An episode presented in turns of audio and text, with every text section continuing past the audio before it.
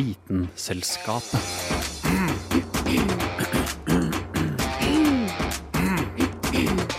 Vitenselskapet. Katten sto på tunet og sa hei. Hei. Uh, jeg sitter her og varmer opp de gode gamle stemmebånda, og det var ekstra viktig i dag, sa folk. For ukens tema i Vitenselskapet er stemmer.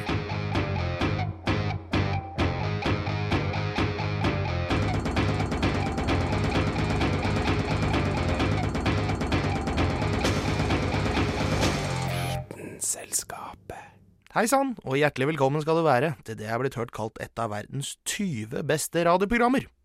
Type produsert av studenter om populærvitenskap med ulønnede medarbeidere. I dag får du blant annet høre hva det er han frivillig egentlig driver med når han hviner så ømt under havskorpa. Tenk det. Jeg heter Dag Magnussen og skal lose deg gjennom dagens halvtime med Vitenselskapet, som altså skal handle om stemmer. Å vite vet Vitenselskapet.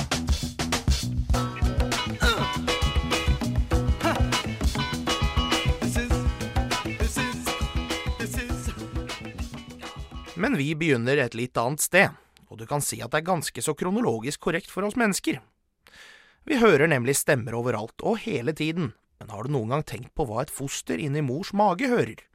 Og har du noen gang tenkt over om babyen skjønner om det er mor som snakker? Dersom man har vært gravid, har man kanskje merket at et foster skvetter av brå lyder. Forskning viser nemlig at fostre kan høre lyder allerede når de er 30 uker gamle. Og ikke nok med det, selv før de er født klarer de å gjenkjenne mors stemme. Men hvorfor kjenner de den igjen? Og hvor viktig er mors stemme for barnets språkutvikling? Ever since I held you, baby, Tidligere forskning viser at babyer gjenkjenner mors stemme. Men nå har forsker Barbara Kisilewski ved Queens University i Ontario utført et eksperiment som viser at selv fostre inni mors mage kan kjenne igjen bestemte stemmer. 60 kvinner i tredje trimester ble brukt i forskningen. Alle disse mødrene hadde spilt inn et dikt. Mødrene ble videre delt i to grupper. Halvparten av fostrene fikk avspilt opptaket av sin egen mor, mens den andre halvparten hørte en fremmed stemme. I begge tilfellene førte diktet til en endring i barnets hjerteslag. Hos barna som hørte sin egen mor, slo hjertet raskere, mens hos dem som hørte en fremmed stemme, slo hjertet saktere. At hjertet slår saktere, er en form for oppmerksomhetsmekanisme. Hjerteslagene sakker altså ned fordi fosteret vender oppmerksomheten mot en stemme det ikke kjenner igjen. Rib, Barnet konsentrerer seg altså om å prosessere en ny lyd, om å finne ut hvem som snakker. Det at hjerteslagene endrer tempo i begge tilfellene, viser at fostrene la merke til begge stemmene og kunne skille dem fra hverandre. Kisilevskij foretok eksperimentet både i Kina og Canada for å undersøke om kulturelle forskjeller kunne spille inn på resultatene. Fostrene oppførte seg på samme måte i begge land, hvilket underbygger påstanden om at kulturell tilhørighet ikke har noen effekt i dette tilfellet. Fostrene gjenkjente ikke innholdet i diktene, men stemmemønstrene hos dem som leste. Alle har sin egen måte å snakke på. Vi stopper opp på ulike steder. Vi puster inn og ut på ulike steder. Og det er nettopp det fostrene gjenkjenner og husker. Forskere ved universitetet i Montreal har funnet ut at mors stemme aktiverer språksenteret i hjernen til fosteret. De festet elektroder på hodene til 16 babyer mens de sov. Videre fikk mødrene beskjed om å lage en A-lyd. Etterpå gjentok en sykepleier den samme lyden. Resultatene viste reaksjoner i babyens venstre hjernehalvdel da moren snakket. Denne delen av hjernen styrer språk og motorikk. Motsatt skapte sykepleierens stemme reaksjoner i høyre hjernehalvdel, som gjenkjenner stemmer. Når babyer hører en A-lyd, lager de automatisk de leppeformasjonene som kreves for å uttale denne lyden, til tross for at de aldri har sett noen si A. Slik forskning bekrefter at mor har en essensiell rolle i barnets språkutvikling, og at det er en nevrobiologisk link mellom prenatal språktilegnelse og motoriske ferdigheter involvert i tale. Funnene kan også bety at grunnlaget for forståelsen av tale og utviklingen av språk blir lagt før fødselen. Det kan bety at små barn er så kjappe til å lære språk fordi evnen til å lære stammer fra omgangen med omgivelsene allerede på fosterstadiet. Nyfødte er de beste på å lære nye ting. Og forskning på hvordan de absorberer ny informasjon kan gi oss enestående kunnskap. Vi kan ikke kaste bort den tidlige nysgjerrigheten. Vi må finne ut hva babyer har som ikke vi har. Dette innslaget ble laget av Agnes Alstad Mogstad. Hæla i taket med Vitenselskapet.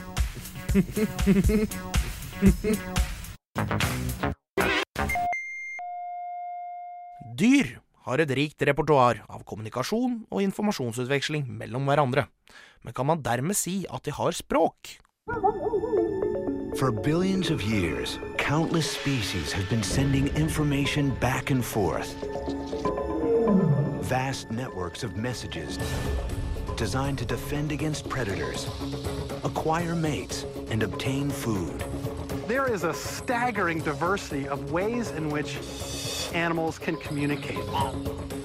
From microscopic bacteria to the largest animals on Earth, the ability to relay information has often determined a species' very survival. This is the story of communication. Dyr kommuniserer med hverandre hele tiden. Primater grynter, fugler kvitrer, kuer rauter, mus piper og slanger hisser. Men kan dyr sies å snakke med hverandre? Kommunikasjon er én ting, og det befinner seg til enhver tid enorme mengder med informasjon i landskapet rundt oss. Er det kuldegrader og dermed glatt på veien? Er det bier i nærheten? Er denne planten spiselig, eller snarere giftig? Når informasjon overføres fra et individ til et annet på en vellykket måte, har kommunikasjon funnet sted. Men informasjon og kommunikasjon er ikke nødvendigvis det samme som språk. Så spørsmålet er har dyr språk? Well, are humans the only species that have has language? Um, it's a question that's been asked many times. Som David Bellas, prisbelønt oversetter og språkekspert her sier, så er dette et spørsmål som er stilt mange ganger opp gjennom historien. Aristoteles hevdet at det som skilte mennesker fra andre dyr, ikke nødvendigvis var grunnleggende kroppslige egenskaper, men snarere den rasjonelle del av vår sjel, som annet gjør at vi kan kalkulere, planlegge og reflektere. Ikke minst er vi for Aristoteles også ikke bare homo sapiens, det smarte mennesket, men også zoon politikon, altså det sosiale dyr. Og språket vårt kan sies å være en del av vår rasjonelle sjels uttrykksmåte idet vi kommuniserer med andre mennesker på et rasjonelt plan. Den franske filosofen René Descartes skulle gå så langt som å si at dyr ikke har verken sjel eller følelser fordi de ikke kunne snakke. Selv om Descartes gikk litt langt her, så er det klart at uh, språk er en viktig og kanskje essensiell del av det menneskelige samfunnet. Bare prøv å forestille et samfunn uten språk av noe slag. Det er derfor Ludvig Wittgenstein skulle ende opp med å si at vi mennesker ikke er primært homo sapiens, altså det smarte mennesket, men homo loquens, altså det talende mennesket. Men hva er det som kjennetegner det vi kaller språk, mer presist? To answer that question, we can look at four specific qualities that are often associated with language discreteness, grammar, productivity, and displacement. Discreteness means that there is a set of individual units, such as sounds or words, that can be combined to communicate new ideas. Like a set of refrigerator poetry magnets you can rearrange to create different phrases. Grammar provides a system of rules that tells you how to combine those individual units. Productivity is the ability to use language to create an infinite number of messages. And displacement is the ability to talk about things that aren't right in front of you, such as past, future, or fictional events. So, does animal communication exhibit any of these qualities? Så vi har altså disse fire distinkte kvalitetene i det vi kaller språk. Distinksjon, grammatikk, produktivitet og forskyvning. Vi kombinerer diskré enheter kjent som ord, som er symboler som peker på objekter og aktiviteter, under grammatikkens lover, slik at det blir orden i sysakene. Vi kan gjøre dette på nærmest uendelig mange måter. Sannsynligheten for at du sier nøyaktig den samme setningen to ganger i løpet av livet, er derfor svært liten. Men noe av det mest interessante med språk er at det er abstrakt. Vi kan snakke om ting som ikke er til stede, både i tid og rom.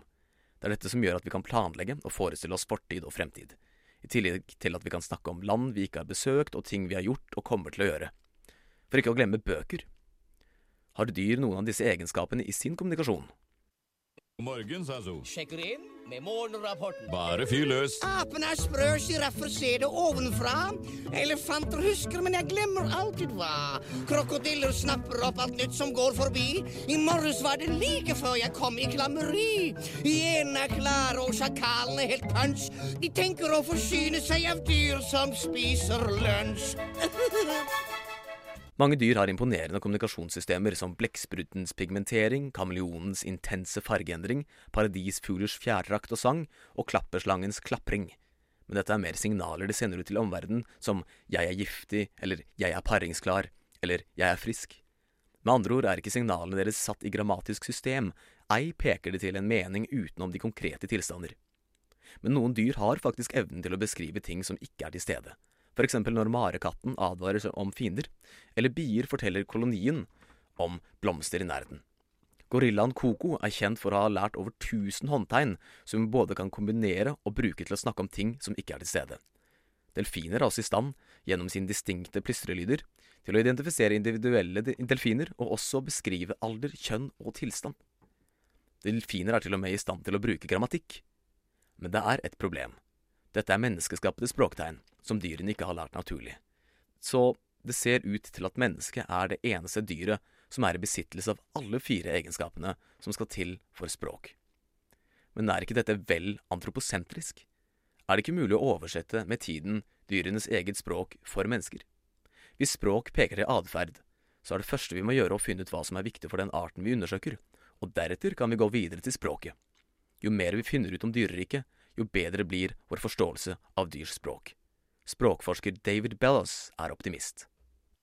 The argument that only human language is language and that animal communication systems, however uh, sophisticated they are, and some of them are quite sophisticated, are not languages because they consist of discrete signals, is a kind of it's a it's a circular argument. It's a self-fulfilling thing, um, and um, I think we should be a little bit more interested in the complexity and the um, variability of animal communication systems um, and less rigid about this distinction between what is a language and what is not a language. Og dette innslaget ble laget av Dag Dramer. Radio Nova. Hvaler har ikke så godt syn eller luktesans, men de har en veldig god hørsel. I tillegg kan de lage lyder på nesten 190 desibel, som tilsvarer lyden av en jetmotor, og som kan høres over store avstander. Hvallydene brukes antagelig som en måte å kommunisere på, men hva skjer om du er en hval som ikke klarer å synge helt som de andre? Under havets overflate et sted svømmer det en mystisk hval. Den har aldri blitt sett, den har bare blitt hørt. Men det er ikke det som er mystisk med den, for at hvaler synger merkelige, underfundige sanger, er jo allmennkjent. Det rare med denne hvalen er at den synger på en helt annen måte enn andre kjente hvaler. Den synger på 52 hertz. En frekvens som høres dypt ut for oss, men som er uvanlig lyst for en hval. Det er nemlig sånn at ulike hvaltyper høres annerledes ut, en blåhval kan f.eks. høres slik ut.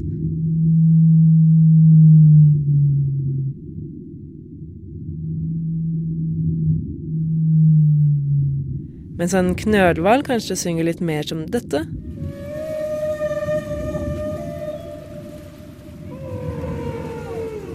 Og så har vi sånne dyr som spekkhoggere, som høres ut som dette. Men eh, de tilhører tannhvalene og lager lyder på en helt annen måte enn bardehvalene vi skal snakke om nå. For eh, selv om de forskjellige hvalene alle lager lyder, er det knølhvalene og noen typer blåhval som lager det vi kaller hvalsang. Hvalsang er når en hval gjentar et tema igjen og igjen, litt som et refreng.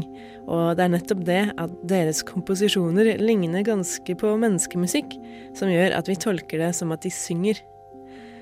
Om det faktisk er det de gjør, eller hva de egentlig driver med, er det egentlig ingen som vet. Men eh, det som er litt interessant, er at hvalene i ett område synger den samme sangen, som stadig utvikler seg.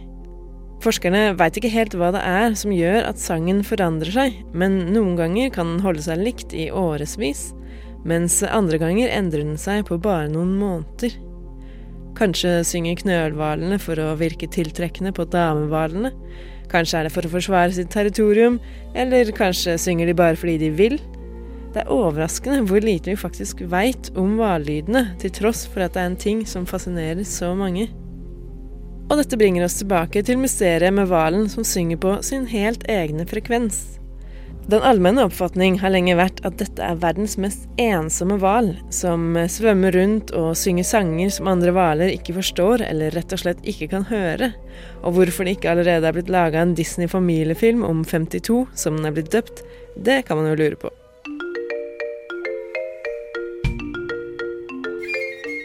Akkurat som i en Disney-film kan ting nemlig tyde på at denne hvalen ikke er så ensom som folk skal ha den til.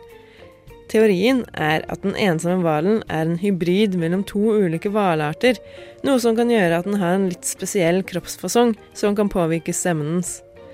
I 2010 ble den spesielle hvalsangen plukka opp av en sensor, men en annen sensor fanga også hvalsang på en lignende frekvens, men på et annet sted. Det kan med andre ord virke som at det finnes flere hybrider der ute. Noen som synger den samme sangen som den mystiske 52. Om vi noen gang kommer til å finne denne lille flokken, vel, det kan jo bli litt som den berømte nåla i høystakken. Hvaler er jo temmelig store, men havet er jo som kjent en god del større.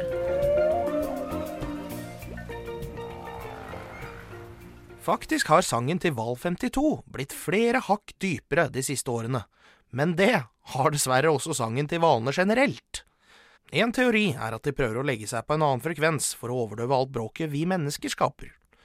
Men det kan også rett og slett være en trend hvor hvalene prøver å overgå hverandre i å synge dypt. Hun som lagde dette innslaget, var Kristin Grydland. Radio Nova FM 99,3 og radionova.no. Velkommen til spørsmål du innerst inne alltid har lurt litt på i de stille stunder du er fanget i ditt eget hode.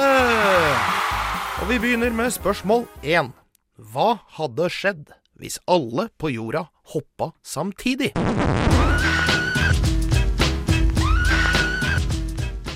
Når masse beveger seg mot sentrum av en roterende gjenstand, sånn som jorda vår, vil rotasjonshastigheten øke. Tenk deg f.eks. at en kunstløper trekker til seg armer og ben. Da øker hastigheten på snurringa, og det er kanskje ikke sånn man går rundt og tenker på i dagliglivet, men gode, gamle moder jord er en roterende gjenstand.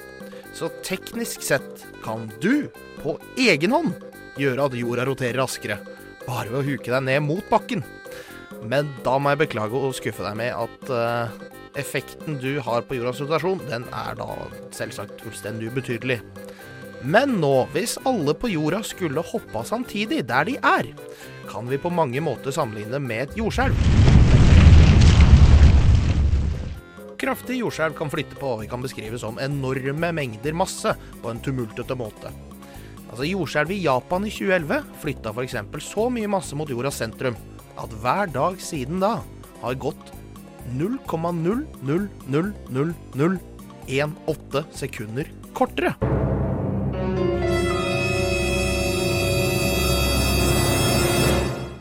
Ja, her var det mye nuller, tenker du kanskje.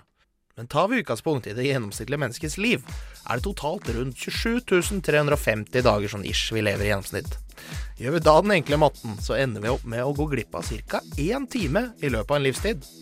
Så der har du unnskyldninga di, skulle du være et minutt eller to forsinka til noe. 30 til 60 ganger. Skyld på den japanske plateteknonikken. Da har du per deff ditt på det rene.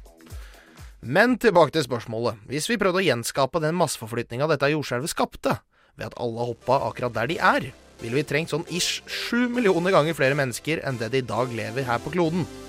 Og det er i området sånn ca. 49 billiarder. Og da hadde nok miljøproblemene og matmangelen vært større fokus enn hvilken effekt det hadde vært om alle sammen hoppa samtidig, da. Men hva om vi alle sto på samme sted og dytta fra når vi hoppa? Hvis alle i verden sto skulder til skulder, kunne vi pakka oss sammen på et område på størrelse med byen Los Angeles. Men selv om vi alle dytta fra på samme plass, og du kan jo si at det blir en voldsom masse og kraft, er jorda vår fortsatt ikke da spesielt imponert. For la oss da gå ut ifra at vi hoppa sånn ca. 30 cm opp i lufta. Vi ville klart å drive jorda bort fra oss, men kun rundt en hundredel av bredden til ett enkelt hydrogenatom. Når man attpåtil tenker på at vi etter et knapt sekund i lufta ville landa omtrent akkurat der vi hoppa fra, ville jorda på samme måten gått tilbake til sitt utgangspunkt. Så hypotesen her gir altså ikke store resultater til det mesterstykket logistikkmessig det ville vært å få organisert denne menneskelige børven i Los Angeles. Spørsmål to. Hva kom først av høna og egget?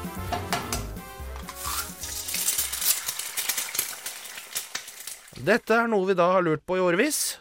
Noen mer enn andre, sikkert. Men han skulle tro at den allmektige vitenskapen hadde funnet ut svaret for lenge sia. Men vi skal jaggu ikke lenger tilbake enn ca. seks år. De fleste har vel tenkt tanken en eller annen gang og landa på enten høna eller egget. Nei, hva tror du? Vi kan jo begynne med å si, før vi avslører svaret her, at forskerne i utgangspunktet ikke gikk inn for å løse dilemmaet med høna og egget. Det gir jo heller ikke noe særlig mening, bortsett fra at det er en kuriositet. Forskerne ved universitetet i Sheffield de gikk i utgangspunktet inn med det mål for øye å finne ut hvordan dyr lager egg, fordi det er et utrolig sterkt materiale i forhold til sin egen vekt. Det de fant, var et protein kalt ovokledidin 17. Dette proteinet finnes utelukkende i kyllingeggstokkene, og de er avgjørende for at eggeskallsformasjonen hos kyllinger skal finne sted. Måten proteinet fungerer på, er som en snekker. Det lapper sammen mikroskopiske deler av skallet ved å konvertere kalsiumkarbonat til kalsittkrystaller. Skallet ville da ikke eksistert uten dette proteinet, som utelukkende finnes i kyllingeggstokkene. Dermed kunne man med sikkerhet si at høna kom før egget, og dermed basta. Selve proteinet hadde blitt oppdaga før det her forskningsprosjektet, men det var først gjennom å studere det i mikroskopisk detalj at man fant dets avgjørende rolle for eggeskallproduksjonen. Så Dermed måtte man skuffe selveste Stephen Hawking, som var en svoren tilhenger av at egget kom først. Men det skal jo nevnes at det her gjelder jo kyllingene, da. Så nå går det vel ikke lenge før noen spør hva som kom først, egget eller tyrannosaurusen.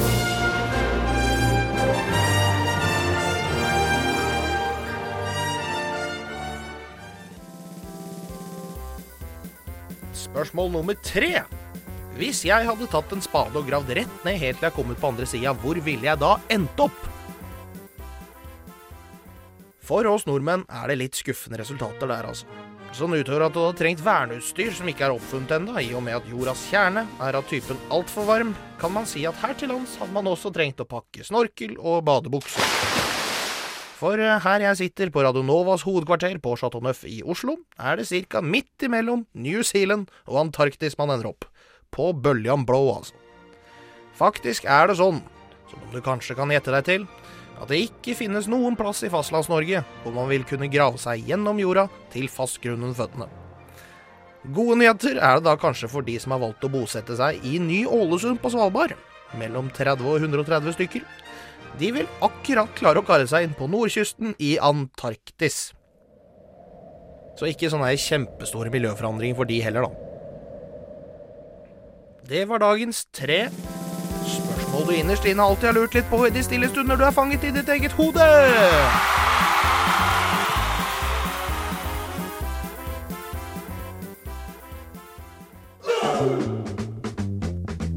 Vitenselskapet.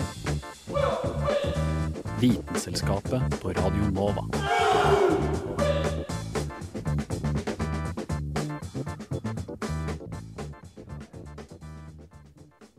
Forrige uke fikk vi høre om oppfinnelsene som skulle til for å ta det aller første fotografiet i 1826.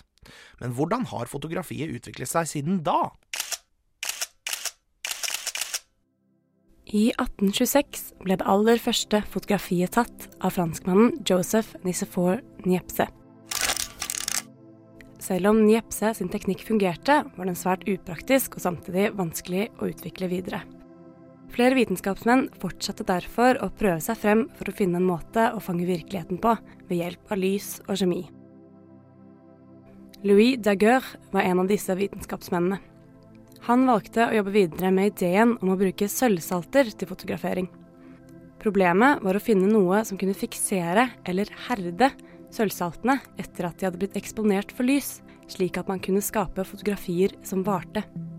Daguerre brukte en forsølvet, polert kobberplate og gjorde den lysfølsom ved hjelp av joddamp. Deretter anvendte han kvikksølvdamp som fremkaller, og gjorde bildene permanente ved å utsette de for natriumtiosulfat. Denne prosessen kalte han for daguerreotypi, og i 1839 la han frem resultatene sine i Paris. Daguerreotypi la grunnlaget for videre utvikling av fotograferingskunsten. Og Louis Daguerre regnes derfor som fotografiets oppfinner, selv om han egentlig ikke var først ut med å fotografere. Det var selvfølgelig rom for forbedring av Daguerre sin fotograferingsteknikk. Daguerreotypiene var av nokså dårlig kvalitet, og teknikken åpnet ikke for at man kunne lage flere kopier av samme bilde. Dette gjorde britiske Henry Fox Talbot noe med. Han utviklet en teknikk hvor man heller tok negativer først. Disse negativene kunne så kontaktkopieres til en positiv utgave. I 1841 patenterte han prosessen og kalte den for kalotypi. Kalotypi var ikke noe hvem som helst kunne drive med. En tidlig fotograf måtte være dreven i kjemi, samtidig som prosessen krevde tid og masse utstyr. Daguerreotypien og kalotopien ble avløst av våtplateprosessen i 1851. Denne prosessen gikk ut på at man spredde kolodium og sølvnitrat utover en glassplate rett før man skulle fotografere, for så å fremkalle bildet før kolodiumet tørket. Dette betydde at man bare hadde 15-20 minutter fra man preparerte glassplaten til man måtte fremkalle bildet. Fotografiene var fremdeles i svart-hvitt. I 1861 la James Clerk Maxwell frem en teori som skapte grunnlaget for all senere fargefotografering. Han mente at ved å blande rødt, grønt og blått lys kunne man skape alle mulige farger. For å demonstrere dette fotograferte han en mangefarget sløyfe gjennom et rødt, et grønt og et blått filter på hver sin glassplate. Glassplatene ble så omgjort til positive lysbilder som ble vist gjennom de samme fargefiltrene de var fotografert med. Teknikken fungerte, men fargefotografi ble allikevel ikke vanlig helt ennå. I 1871 ble tørrplaten lansert, og våtplaten ble erstattet. Kollodiumet hadde blitt byttet ut med gelatin, som gjorde at man kunne forberede glassplatene i forkant og vente med å fremkalle de til man kom hjem igjen. Tørrplatene kunne fabrikkproduseres, men det var ikke før i 1888, da George Eastman lanserte rullefilm, at fotografering ble tilgjengelig for folk flest. I 1907 lanserte de franske brødrene Lumière fargefotograferingsteknikken autochrome, som bygde på Maxwells teori. Metoden gikk ut på å legge mikroskopiske stivelseskorn i rødt, grønt og blått på en lysfølsom emulsjon. Kornene fungerte som filtre, og når man omvendte negativene og gjennomlyste de, fikk man fargebilder. På 1930-tallet var kjemien og teknikken kommet så langt at moderne fargefilm ble mulig. Kodak lanserte Kodachrome, og Agfa lanserte Agfa Color, som skapte grunnlaget for all senere fargefilm. Den videre utviklingen av fotograferingsteknikk og kameraer gikk ut på å gjøre fotografering enklere, raskere og mer fleksibelt. I løpet av 1900-tallet og frem til i dag har kameraene blitt mindre, billigere og bedre, og de fortsetter å være i stadig utvikling. Dette innslaget ble laget av Lise Eide Risanger. Vitenselskapet. Det var alt for denne gang, folkens. Men som vanlig er vi tilbake neste uke med en ny sending. På samme tid og kanal. Med mindre du er en av disse moderne radiolytterne jeg har hørt så mye om, da. Slike som har tatt i bruk podkaster og internett for å høre på de programmene de vil få med seg. Nei, da kan det jo tenkes at du hører på vår neste sending og våre tidligere sendinger, for så vidt. Akkurat når du vil. Det er jammen ikke dårlig. Hvis du er en av dem som ikke visste at du hadde denne muligheten, er våre sendinger tilgjengelig som podkast på Soundcloud og radionova.no. Følg oss også gjerne på Facebook og Twitter. Du finner oss under navnet Vitenselskapet. Det er alt som gjenstår for meg å takke for nå og ønske en fortsatt fin dag. Jeg heter Dag Løve Magnussen. Ha det bra. Radio Nova.